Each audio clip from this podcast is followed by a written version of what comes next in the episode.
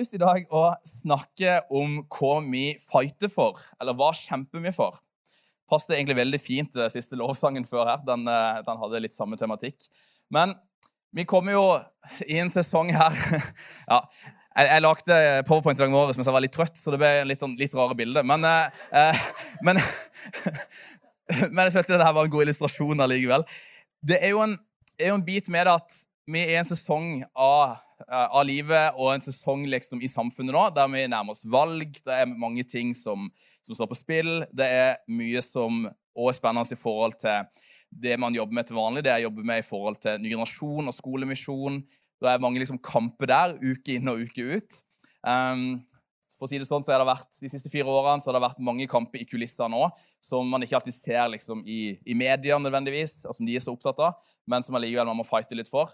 Og Det har vært en vanvittig styrke der å vite at det finnes noen personer på Stortinget som jeg kan ta en telefon til, og de kjemper vår sak på Stortinget. Um, jeg skal ikke snakke om valget i dag, det får dere finne ut av sjøl. Men jeg har lyst til å snakke om de tingene som vi fighter og kjemper for i hverdagen vår som kristne. Fordi at Det er noen fighter som står på spill, og det er noen fighter som vi trenger å kjempe og være bevisst for.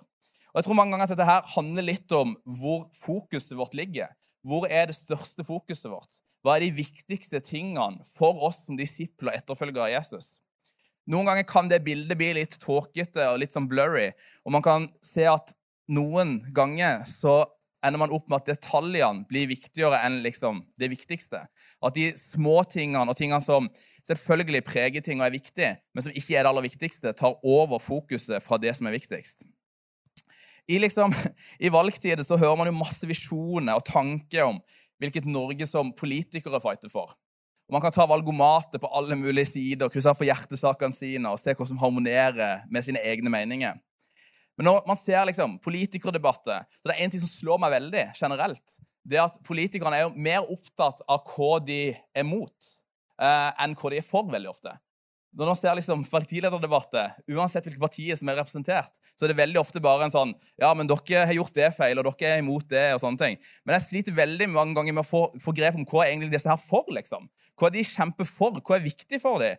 Jeg er ikke så interessert i liksom, å høre Arbeiderpartiet og Høyre skyte mot den andre partiet og si hva det andre partiet er dårlig på. Altså, Det spiller veldig liten rolle for å bygge Norge videre framover. Det som er viktig, er jo hva folk brenner for, hva de er engasjert for, hva som ligger på hjertene deres, hvordan framtidsbilde og visjon som de har av landet vårt. Og Det gjelder òg i en kristen setting og i en kirke. Jeg skal starte med et bibelvers i dag fra 1. Timoteus 6,11. Eh, et, eh, et bibelsted som har blitt sitert opp og ned i mente på utrolig mange gudstjenester gjennom historien. Og Dette har kommet liksom som et bakteppe der Paulus først snakker litt om en del ting som, som han er imot. Eh, Økonomisk begjær snakker han om. Han snakker om vranglære i, i versene før. Men så kommer han med en liste med noen av de tingene som han fighter for, og som han ønsker å oppmuntre også til å være med som, som Guds menneske være med og fighte for. Men du, Guds menneske, hold deg borte fra dette og jag etter rettferdighet, gudsfrykt, tro, kjærlighet, utholdenhet og ydmykhet. Strid troens gode strid, og grip det evige liv som du er kalt til det som du bekjente deg til da du ba fram den gode bekjennelsen for mange vitner. Veldig ofte så legger vi jo bare fokus der på liksom dette med strid troens gode strid. Og Vi skal snakke litt om det òg. Men disse tingene før her òg, med rettferdighet og En eller annen grunn så forsvant det noen tekst der. Men eh, rettferdighet, gudsfrykt, tro, kjærlighet, utholdenhet og ydmykhet det er sentrale ting som forklarer ganske mye om Guds natur og hans sine karaktertrekk, men som òg forklarer noe om ting som vi kan være med og kjempe for. Vi kan være med og kjempe for mer rettferdig verden. Jeg snakka en halvtime om det på ungdomsmøtet på fredag. At vi er kalt til rettferdighet. Vi er kalt for å fighte for rettferdighet. At urettferdighet ikke skal skje på vår vakt, men at vi kan være med på å skape en rettferdig verden fordi Gud er rettferdighet. Ehm, på samme måte så gudsfrykt og tro, kjærlighet, utholdenhet og ydmykhet det er ikke bare en fin smørbrødliste på fine ord, og på fine ord som vi kan liksom sette på, sånn, på veggen og veldig mange rom. Kanskje spesielt stue til Nå skal ikke jeg liksom generalisere for mye her, men eh, men folk mellom 40 og 70 år har ofte liksom stue med litt sånne sitater på veggen. Eh, sånn 'Velkommen til dette hjemmet. Her er det varmt og inkluderende.' Og så står det på veggen. Eller det står liksom 'Vi er et gudsfryktig familie'. Eh, eller i Lyngdal så står det sikkert enda mer offensive uttrykk. liksom, vi, vi, er kalt fra Gud. Eller her, her, er troen viktig. Det står mange fine ord. Og det er mange fine ting med å ha noe sånt på veggen. Men hvis bare det blir et slagord og noen fine ord på veggen, men det ikke får rotfeste i hjertene våre og bli en del av livet vårt, så er det faktisk ikke så veldig viktig, det som står på veggen. Det vil nesten praktisere som at det kanskje nesten kan bli en type vranglære og noe man går litt feil på, som Paulus beskriver i kapittelet før. Strid troens gode strid. Det greske ordet for å stride eh, det er brukt i idrettssammenheng. Når eh, Paulus snakker om at vi, vi, løper, vi løper, et løp. Eller når det står i evangeliet også at liksom, det handler om eh, seierskransen. Så mye av de greske ordene som er brukt i dette her, i forhold til det å stride, det dreier seg jo om idrettsbanen og er liksom mye koblinger mot idrett. Jeg tror det er noen, noen ting som er ganske likt mellom idrettsfolk og gudsfolk. Idrettsfolk de må forsake noe. De må prioritere noe. De må kjempe for noe. De må ha et klart mål der som de sikter mot. Det nytter jo ikke hvis Andreas tenker det liksom i morgen at jeg skal bli verdens beste fotballspiller. Så blir ikke han det en uke seinere. Det kommer til å ta tid, det kommer til å være hard jobbing og knallharde prioriteringer. Kanskje må han spise en kebab mindre i uka, kanskje må han trene litt. Kanskje må han sette seg i et miljø med folk som er dyktige på å spille fotball, og som kan lære han dette her.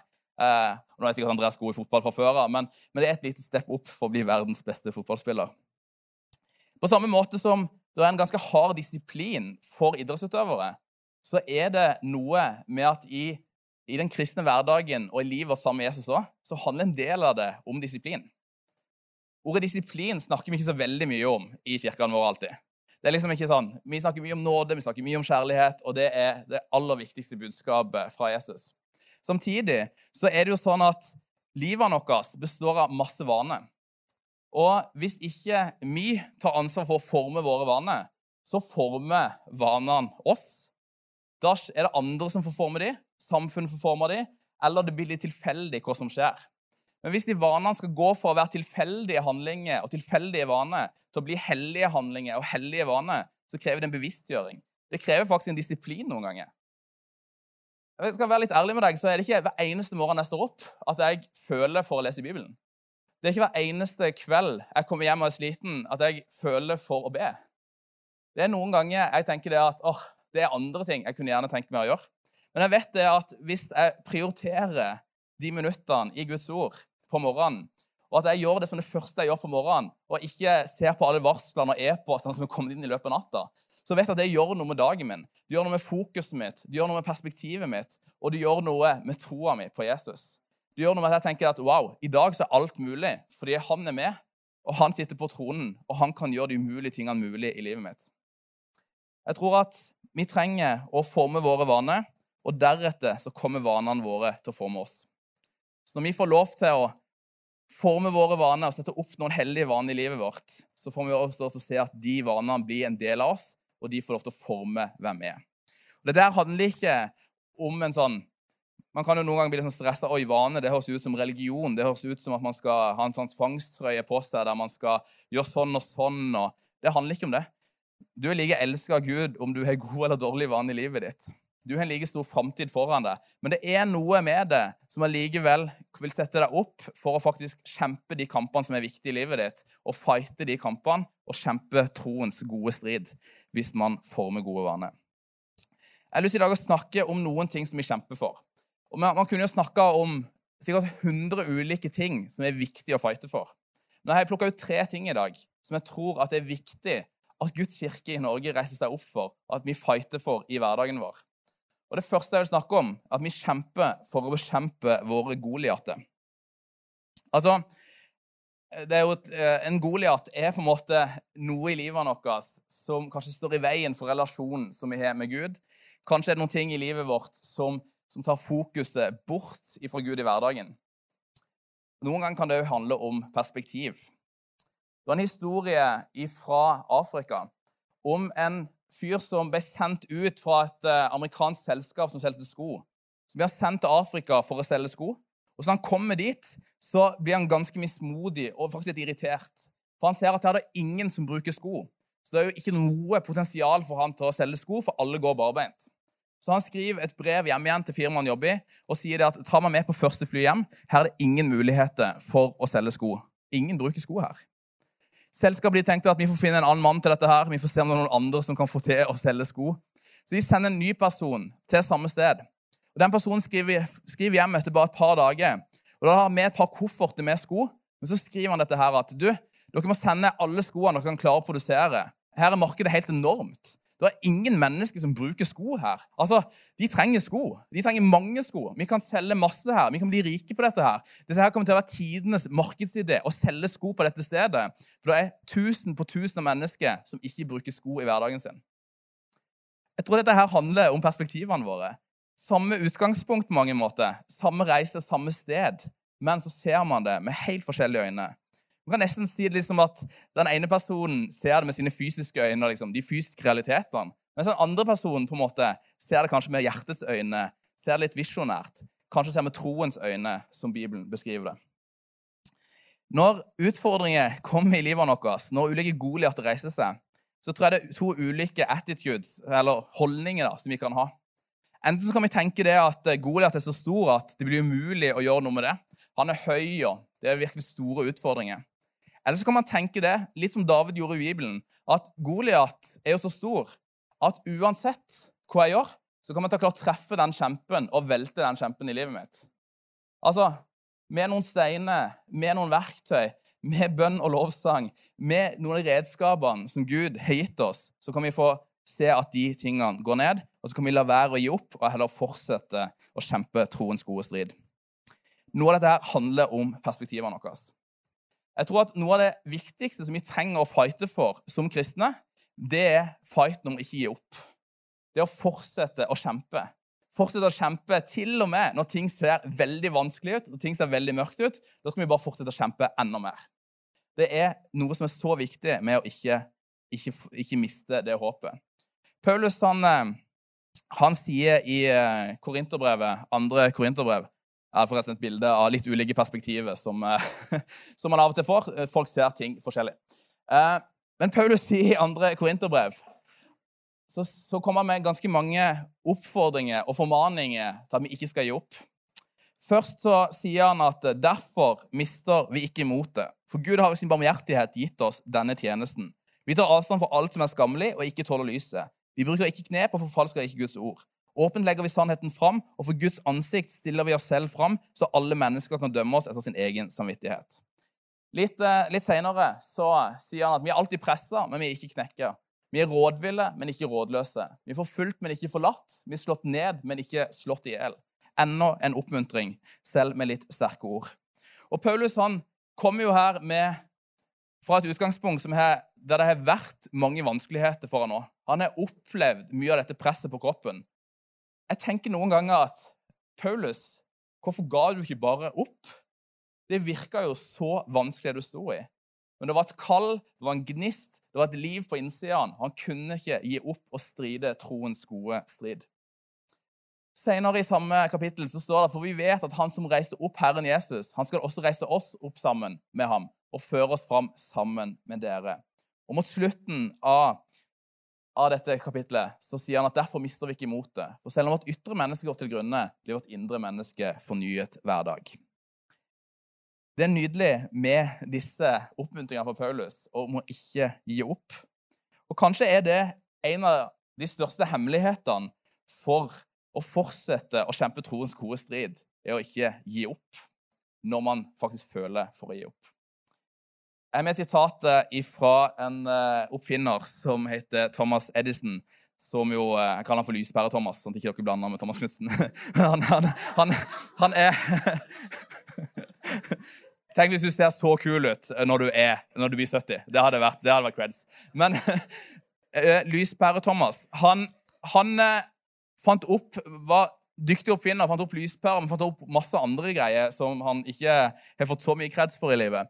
Men han sier dette her at many of life's failures are people who did not realize how close they were to success when they gave up. Det var så mange folk som har vært så nærme å lykkes med noe, og så har de sett at nei, dette her blir for vanskelig, og så kaster de inn håndkleet, og så gir de opp. Kan det være sånn i våre liv også noen ganger at vi, vi er så nærme med å få et gjennombrudd i bønn? Vi er så nærme med å få et gjennombrudd i livet vårt med Gud. Vi er så nærme å få de svarene på de spørsmålene som vi dealer med. Og så tenker vi at nei, nå er det letteste her å bare kaste inn håndkle. Nå er det letteste her å bare legge dette litt til sides, og så går vi videre, og så får vi finne ut av dette seinere.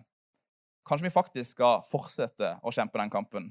Kanskje vi skal fortsette å kjempe den kampen og aldri gi opp. Hvis du gir opp, så kommer det i hvert fall ikke til å skje. Hvis du ikke gir opp, så jeg vi kan stole på at de løftene Gud har gitt deg, det han har talt til deg om, det kommer til å skje. Ikke gi opp. Det er den største Goliaten som vi trenger å bekjempe. Det er det å gi opp. Det er så enkelt å Det kan være så enkelt i hverdagslivet vårt å bytte jobb, bytte bosted, bytte kirke, bytte livspartner. Gjør mange endringer i livet vårt som på kort sikt kan virke som en suksess, som på en kort sikt kan virke som en fin løsning, men som egentlig bare er en lettvint løsning fra det egentlige problemet. Som er en sånn Her finner vi en løsning på det, og så er det ikke det som kommer til å virke på sikt. Du kommer ikke til å finne en perfekt kone, eh, du kommer ikke til å finne en perfekt kirke, du kommer ikke til å finne perfekte venner eller en perfekt familie, men du kan være med og allikevel kjempe den kampen, ikke gi opp, og påvirke det innenfra. Det er en mye bedre perspektiv. Punkt nummer to er at vi kjemper for å la han ta kampen for oss. Hvor mange ganger har ikke vi stått i en kamp i livet sitt og sett at dette her er en vanskelig kamp. Det kan kanskje være en kamp som du føler du ikke har valgt sjøl engang, men der liksom kampen har valgt deg. Der du kommer overfor noen ting som du ikke har bestemt sjøl at du skal gå inn i. Men så skjer det ting, omstendigheter i livet som rører på seg, og så havner du i en ganske tøff kamp. I de situasjonene så tror jeg det er så viktig at vi lar han kjempe den kampen. At vi ikke tar den kampen på egen hånd og tenker at nå skal vi fikse dette her. Se hvor flink jeg er, se hvor god jeg er på dette her men at vi heller ser at oi, dette her får ikke jeg til i egen kraft. Jeg får ikke dette her til, men det er en som får dette til, og jeg kan stole på han i det. Kanskje er det sånn at uh, vi av og til blir så opptatt av å fighte for evangeliet at vi glemmer at vi er han som fighter for oss, boende i oss. At vi liksom vi blir så, så ivrige på å overbevise noen i en samtale en diskusjon, eller at vi glemmer liksom hele perspektivet med at faktisk så elsker Gud disse menneskene. Faktisk så har han plan for det i sine liv. Og at det også kan handle om å bygge en bro inn, inn til dem, som gjør at de får erfare det på sikt. Noen ganger har vi litt dårligere tid enn Gud har. Jeg har lyst til å fortelle en historie om Josjafat, som er en av kongene i Gammeltestamentet i kongeriket Juda. Ehm, det er en ganske, en ganske spennende story, fordi at han kommer overfor en fight som han ikke sjøl fikk velge engang. Det er altså sånn, Hvis du har tid en dag, så anbefaler jeg liksom å lese kapitlene før her òg. For det er ganske, ganske, mange interessante kamper som han har stått i før dette tidspunktet òg. Men uh, for at ikke vi skal sitte her til klokka fire i dag, så har jeg ikke tid til å liksom dra, gjennom, dra gjennom hundrevis av bibelvers. Uh, men vi skal hoppe inn i andre krønikebok, kapittel 20. Og Her står det at uh, en tid etter så hendte det at moabittene og ammonittene og sammen med dem noen meonitter Det er masse fine ord, gikk til krig mot Josjafat. Det kom noen og sa til Josjafat, det kommer en stor styrke mot deg fra den andre siden av sjøen, fra Edom. De står allerede i Hason Tamar, det er en gedi. Da ble Josjafat redd, og han vendte seg til Herren for å søke råd hos ham. Josjafat ble redd, og han vendte seg til Herren for å søke råd hos ham. Så ropte han ut en faste over hele Juda. Judeerne samlet seg for å søke råd hos Herren. Fra alle byene i Juda kom de for å be Herren om råd. Josjafat han, han blir redd. Det er noe liksom menneskelig med det at uh, når det kommer en svær hær uh, og skal krige mot deg, så, så, kan man jo fort kjenne det på kroppen. Og det kan være andre ting i livet deres. Det er ikke så mange her som står i en krigssetting på den måten. Men det kan være noen krig i livet ditt også, der du kjenner at du blir redd, du blir engstelig, du vet ikke hvordan du skal håndtere det. Men i samme setning som det står at han ble redd, så står det at han vendte seg til Herren for å søke råd hos ham. Han vendte seg til, til Gud. Etter dette her, så videre kapittelet, så holder, så holder han en tale for Juda og Jerusalems folk som er samla. Den talen er nesten mer som en bønn. der han virkelig liksom ber om Guds hjelp i dette her, om at Gud skal fikse denne krigen og den kampen som de er kommet i. Og så kommer det inn i fortellinga etter en stund så kommer det en fyr som heter Jahasiel. Og jeg må bare si jeg er veldig dårlig på slektstre, så jeg skal ikke, han har ganske lang slektsliste der. så jeg, jeg tenkte først jeg skulle prøve å forklare dette, eh, men jeg er så dårlig på slektstre at jeg tror jeg dropper det. Jeg har litt sånn problemer med altså, svigerfar og stefar. og altså, Jeg blander hele dette her greiene. Jeg syns det er kjempevanskelig å ha kusiner, søskenbarn og uh, firemenning og tremenning. Jeg, jeg, går veldig i surr, så det hender ofte at det blir litt feil. Uh, men Jahasiel han blir brukt av Gud her til å komme med denne oppmuntringa til Josefat og de andre. Han sier det at lytt, alle judeere og dere som bor i Jerusalem, og du, kong Josjafat. Så sier Herren til dere, vær ikke redde og mist ikke motet av denne store styrken, for dette er ikke deres kamp, men Guds. Dere kommer til å møte dem ved enden av kløften ut i Ruel-ørkenen, men det er ikke dere som skal kjempe denne gangen. Dere skal bare stille dere opp og bli stående, så skal dere se hvordan Herren frelser dere, Juda og Jerusalem. Vær ikke redde og mist ikke motet. Dra ut mot dem i morgen. Herren skal være med dere. Altså, Det er jo en litt eh, sprø tanke at når man eh, skal ha en krig, så skal man bare stille seg opp et sted. Så Det virker jo som man blir et litt lettere bytte med å gjøre det. Men de, de kjenner på dette her, og så fortsetter de etter dette og tilber Gud. Og så ender dette på denne måten her til slutt. Så snart de stemte i med jubelrop og lovsang, lot Herren ammonittene, mohabittene og folket fra seierfjellene, de som rykket fram mot judeerne, falle i bakhold. Slik ble de slått. Kanskje den eh, største fighten som vi noen gang kan gjøre, er å gi opp og fighte. Gi opp og fighte i egen kraft, gi opp og fighte i oss sjøl, og la han kjempe den kampen for oss. Istedenfor at vi prøver å strekke ut hendene våre for å løse ting, så kan vi heller strekke hendene våre opp i lovsang og tilbedelse og lovsynge han, be til han og ha tillit til at han kjemper kampen for oss. Og han er mye bedre enn oss på å kjempe kampen. Vi kan ha tillit til at han har kontroll, selv når det virker som at ingenting er under kontroll. De våpnene som han har gitt oss, troens eh, rustning Alle de verktøyene som vi har fått, som vi har en mulighet til å connecte med han i hverdagen vår, og mulighet til å la han prege livet vårt. Det er ting som kommer til å fighte kampen mye bedre enn om vi bare prøver å finne logiske, fine løsninger på alt og prøve å deale med det på den måten. Det tredje og siste punktet jeg skal snakke om i dag, er noe av det viktigste som jeg kjenner har ligget på hjertet mitt en stund. Og det er at vi kjemper for mennesket. Altså, Kirka er jo en bevegelse, en institusjon på jorda, det er noe som Gud har skapt, og noe som Gud vil fullføre. Og det handler hele tida om mennesket. Det handler om folk. Philadelphia og Lyngdal handler om mennesket. Og det handler egentlig ikke om du som er her nå, men det handler om alle de andre menneskene i denne byen som ikke er i kirka ennå. Det handler om alle de menneskene som ikke har fått en opplevelse av Guds kjærlighet, ikke fått oppleve at han er veien, sannheten og livet. Det er en del av hensikten og selvfølgelig Mye av hensikten med kirke er å samles og utruste de troende til tjeneste. Men noen ganger så er jeg litt redd for at vi kan bli så opptatt av detaljer og ting i periferien at vi glemmer hvorfor vi egentlig er til. Hvorfor vi egentlig er disipler og etterfølgere av Jesus. Det perspektivet med å dele evangeliet med andre, gi de gode nyhetene videre.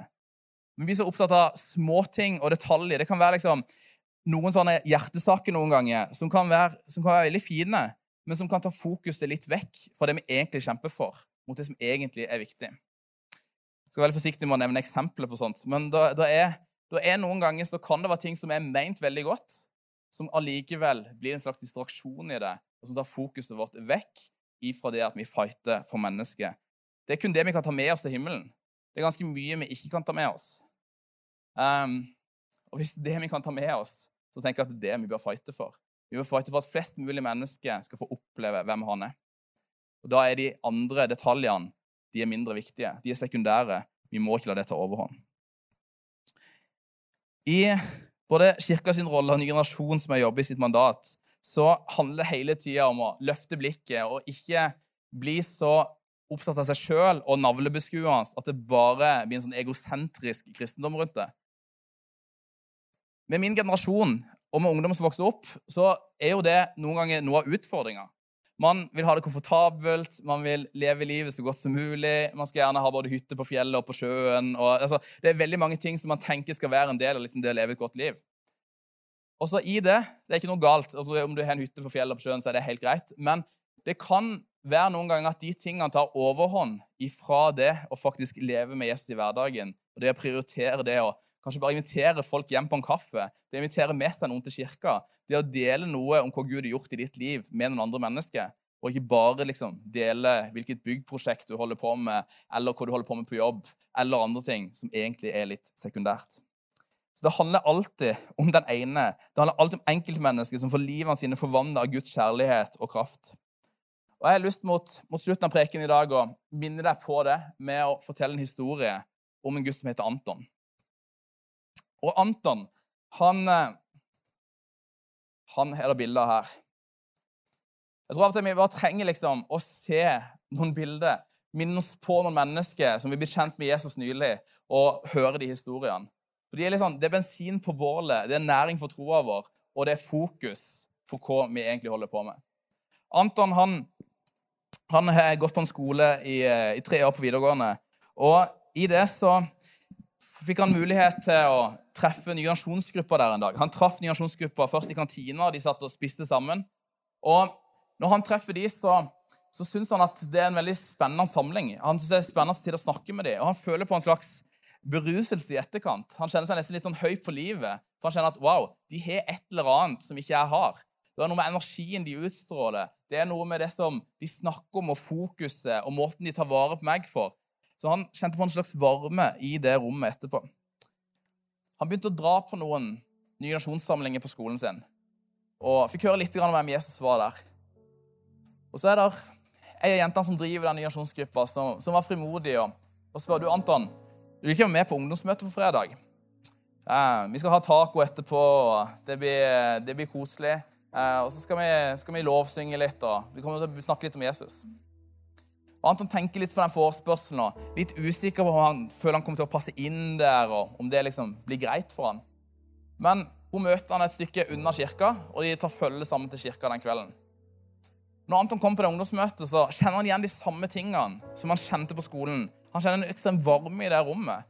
Han kjenner at wow, her er folk så gode, og de er fulle av kjærlighet. Og når de begynner å lovsynge, så så synes han først det er litt rart med lovsang. Han har liksom aldri opplevd det før. Men samtidig så var det noe med både teksten som talte til han, og det var noe med nærværet i det rommet av både folk som var glad i Jesus, og som var ivrig engasjerte, men òg et nærvær av Gud, som han tenkte at wow, dette her er noe som jeg vil ha tak i i livet mitt. Under talen så satt han på bakerste rad og grein. Og han ante ikke helt hva som skjedde med ham, men han opplevde at det var noen som ville han noe. Han opplevde et nærvær av Gud i livet sitt. Han tenkte at dette her er noe som jeg ønsker å leve med videre. Dagen etterpå så gikk han en tur. Han hadde en liten fjelltopp i nabolaget sitt der han veldig ofte gikk opp på den fjelltoppen og hadde litt musikk på ørene. Vanligvis var det liksom rockemusikk og eh, mye rapp og mye musikk som kanskje ikke nødvendigvis alltid var like oppbyggelig. Men den dagen der så søkte han opp noen av de sangene han hadde hørt i kirka dagen før. Han søkte opp noen av de lovsangene, og så satte han det på øret sitt. Oppå den fjelltoppen der så opplever han å få en erfaring av Guds kjærlighet, av Guds kraft, som han betrakter som et før og et etter i hans liv. Der han virkelig får oppleve hvem Jesus er, og starte på reisen sammen med han for å bli kjent med han. Jeg tenker at Det er bare en av mange historier om ungdommer i Norge og rundt forbi i Europa som blir kjent med Jesus som får lov til å connecte med Frelseren, connecte med Han som har en plan for livet deres, sine, Han som elsker deg. Og så må vi ikke bli for opptatt av hvilken farge vi skal ha på gardinene på menighetsmøtene våre. Vi må ikke liksom bruke all tid på detaljer som i det store bildet er så sabla lite viktige. Vi må fokusere på det som er viktigst. Og det at mennesket får lov til å oppleve Guds kraft få lov til å se hans kjærlighet. Få lov til å erfare hvem han er. Det er en fight som er verdt å kjempe for. Det er det som får meg opp om morgenen. Tenk om det jeg holder på med i dag, kan hjelpe noen å få øynene sine på Jesus. Og Jeg håper at uansett i hvilken setting du jobber i, uansett hvilken skole du går på, uansett hva du holder på med i hverdagen din, så håper jeg at det er det som motiverer deg og inspirerer deg òg til å fighte og stride troens gode strid. For det er en kamp som er verdt å fighte for. Og det er en kamp som uansett hvordan et valgresultat ender, uansett hvordan samfunnet utvikler seg, så det er en kamp som kirka skal fortsette å kjempe hver eneste dag helt til Jesus kommer igjen. Og Det er en kamp som jeg håper at, at du vil være med, sammen med meg, sammen med tusenvis og millionvis av kristne rundt forbi på kloden og fighte for. Sånn at flere mennesker som Anton kan få lov til å se hvem Jesus er. For 13 år siden så tok jeg imot Jesus på et ungdomsmøte i denne kirka. Og det har virkelig snudd opp ned på prioriteringene mine, på livet mitt, på hvordan ting ser ut. Det har først og fremst gjort at jeg har fått en relasjon med han som er skapt meg, han som er glad i meg. Og Jeg ønsker å se inderlig gjerne at flere skal få lov til å oppleve det samme. Norge trenger Jesus. Lyngdal trenger Jesus. Jeg vet det er mange i Lyngdal som har en relasjon til Jesus allerede, men det er altfor mange som ikke har det. Vi må ikke bli for glade for det vi har, og tenke at oh, vi er jo en god gjeng her. Og på ungdomsmøtet på fredag var det masse ungdom på ungdomsmøte. Men det er utrolig mange hundre ungdom i, Oslo, nei, i Lyngdal som ikke er på ungdomsmøtet ennå. I Lillestrøm, der, når vi skal gå inn og, og være med og lede en kirke der, så er det foreløpig rundt 50 personer i den kirka. Og det bor over 100 000 mennesker i området. Det er, liksom, det er under 1% av mennesker som går i en kirke, som går på gudstjeneste i Lillestrøm. Det er altfor lavt skulle være naturlig at, at man nærmer seg 50, og 60, og 70 og 80% At alle mennesker faktisk får lov til å komme til gudstjeneste, får mulighet til det. Og Da trenger vi å ha prioriteringene rett, og vi trenger å fortsette å kjempe for mennesket. Så når du opplever at detaljene får styre for mye av dine prioriteringer i livet, så minn deg på historien om Anton. Minn deg på historien om folk rundt deg i din hverdag som ennå ikke kjenner Jesus. Det er derfor vi gjør det vi gjør. Jeg har lyst til akkurat nå til at vi skal, vi skal gi en mulighet. Hvis det er noen her inne som, som ennå ikke kjenner Jesus, som Kanskje du har vært på, på møte her en stund, kanskje kommer du innom i dag på besøk for første gang. Først og fremst fantastisk at du er her. Fantastisk at du får, får høre litt om hvem Jesus er. Nydelig at du får være med i lovsang og få lov til å forhåpentligvis kjenne på den samme varmen og energien som Anton kjente på. Men dette her handler mer om en varme, det handler mer om liksom fin musikk og, og et hyggelig stund.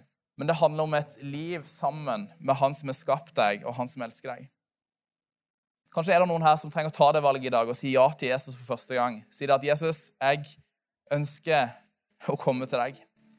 Vi kan fighte for veldig mange ting i livet vårt, men det er én som allerede fighter for oss. Det er en som allerede fighter for deg. En som er fighter for ditt liv. En som er fighter for at du skal få lov til å komme til han akkurat sånn som du er. Jesus han fighta en kamp. Den endte på Golgata kors, men den slutta ikke der. Han står opp igjen, og han lever i dag. Og han fortsetter hver eneste dag, hvert eneste sekund, så fortsetter han å kjempe for at flere mennesker kan få lov til å komme tilbake til den relasjonen som de er skapt med sammen med han. Kan vi ikke alle sammen bare lukke øynene våre et lite øyeblikk? Og Hvis du er her og du ønsker å si ja til Jesus i dag, og si det at ja, David, jeg ønsker at fra i dag av så skal jeg starte på en relasjon sammen med han. Kan ikke du bare gi meg et tegn der du sitter? Jeg kan telle til tre helt kort. og Når jeg teller til tre, så er det bare å rekke opp hånda hvis det er deg. Én, to, tre. Løft hånda di høyt opp hvis det er deg som ønsker å ta det valget i dag og invitere Jesus inn i livet ditt. Nydelig. Supert. Ta ned hendene, og så kan dere åpne opp øynene. Vi skal gjøre to ting nå før vi skal lovsynge sammen. Og det første er at Jeg har lyst til at vi skal be en bønn sammen. Der vi bare bekjenner troa vår på Jesus og skryter litt av han sammen. Og Hvis du ber denne bønnen for første gang, så kan det være en fin start og en invitasjon til å starte denne reisen sammen med Jesus. Og så vil du kunne fortsette i fellesskapet her, bli kjent med folk og bli kjent, bedre kjent med Jesus dag etter dag og uke etter uke. Det kristne livet leves ikke bare på søndager, men det leves hver eneste dag. Hver eneste dag så kan vi få lov til å fortsette å kjempe for den relasjonen som vi har sammen med han. Nå ber jeg først, og så kan du be etter meg. Og vi ber alle sammen, sammen og så blir det helt nydelig. Takk, Jesus, for at du elsker meg. Takk for at jeg kan komme til deg akkurat sånn som jeg er. Jeg tar imot deg, Jesus. Ta imot din kjærlighet og din kraft. Fra i dag, Jesus, så skal jeg være din, og du skal være min. I Jesu navn. Amen. Så nydelig. Det siste jeg har lyst til å gjøre, er at jeg har lyst til, å, lyst til å be en bønn for de kampene som vi står i. Jeg har lyst til å be en bønn for de fightene som vi kjemper for. Fordi at jeg tror at det er viktig at Guds folk reiser seg, Guds kirke reiser seg. At vi fighter disse kampene. Vi fighter mot de goliatene i livet vårt. Og vi ikke gir opp. Fordi da blir det veldig lite av resten. Jeg tror det er viktig at vi fighter for, for mennesket. Og at vi lar han kjempe kampene for oss. Det tror jeg vi trenger hjelp til. Så hvis, hvis, du er her inne, så har du lyst til å være litt frimodig et lite øyeblikk, og du kjenner på at jeg har en kamp i livet mitt som jeg kjemper akkurat nå, kan ikke du bare rekke opp en hånd der du sitter? Det er mange som kjemper en kamp. Jeg kjemper også kamper hver eneste dag. så er det ulike kamper som man kjemper i livet sitt. Hvis du bare holder hånda, hånda di oppe, så skal vi bruke dette øyeblikket her. Jeg skal be en bønn, og så skal vi gå rett over til å lovsynge Gud etterpå. Og når vi lovsynger også, har jeg jo tro på at de lenkene som kanskje binder deg i noe av dette, og noen av de kampene som du går gjennom som du ikke aner om hva du skal gjøre. Jeg har tillit til at Gud kommer til å tale til dere i dag. Jeg tror at han kommer til å vise deg noen ting. Jeg tror han kommer til å pinpointe noen ting i livet ditt og vise deg liksom hvordan du kan la han kjempe kampen for deg. Tusen takk, gode Gud, for at du er her. Takk for at vi kan få lov til å lovsynge sammen. Vi kan få lov til å være samla til gudstjeneste sammen. For et privilegium det er. Takker deg, far, for de kampene i livet vårt, våre, som kan se så vanskelig ut og håpløse ut. Men jeg priser deg, far, for at de er ikke håpløse, fordi at du kommer med håp. Du kommer med liv, du kommer med tro i enhver situasjon. Jeg ber Herre om at eh, du skal hjelpe oss og la deg fighte kampene for oss. Be her om vi skal kunne klare å overgi det til deg. Ikke holde fast 10 eller 20 eller 30 i det, men slippe det fullstendig over til deg. Takk deg, far, for at hos deg, din fullkomne kjærlighet, så den driver frykten ut. Takk for at du driver frykten ut fra alt med det som er skummelt, alt med det som gjør at vi kan bli litt redde eller miste motet. Så ber jeg om at Din Hellige Ånd taler til oss. At du kommer med ditt nærvær. At du virkelig viser oss de tingene som, som vi kan få lov til å prioritere i livet vårt. Hvilke kamper vi skal kjempe, og hvilke kamper vi ikke skal kjempe. Jeg ber, Herre, om at denne kirka skal være en kirke som hele tida har fokus på de menneskene som ennå ikke kjenner deg. Som fortsetter å kjempe kampen for enkeltmennesket i denne byen. Takker deg, far, for at du hjelper oss med prioriteringene våre, du hjelper oss med fokuset vårt, og så hjelper du oss med å se de tingene som du gjør i det usynlige. Du hjelper oss med å se de tingene som ennå ikke er skjedd, men som kommer til å skje. Takk for at akkurat nå så gir du oss noen visjoner, du gir oss drømmefar. Du gir oss tanke for framtida. Både for oss sjøl, for byen vår og for kirka vår. Jesu navn. Amen.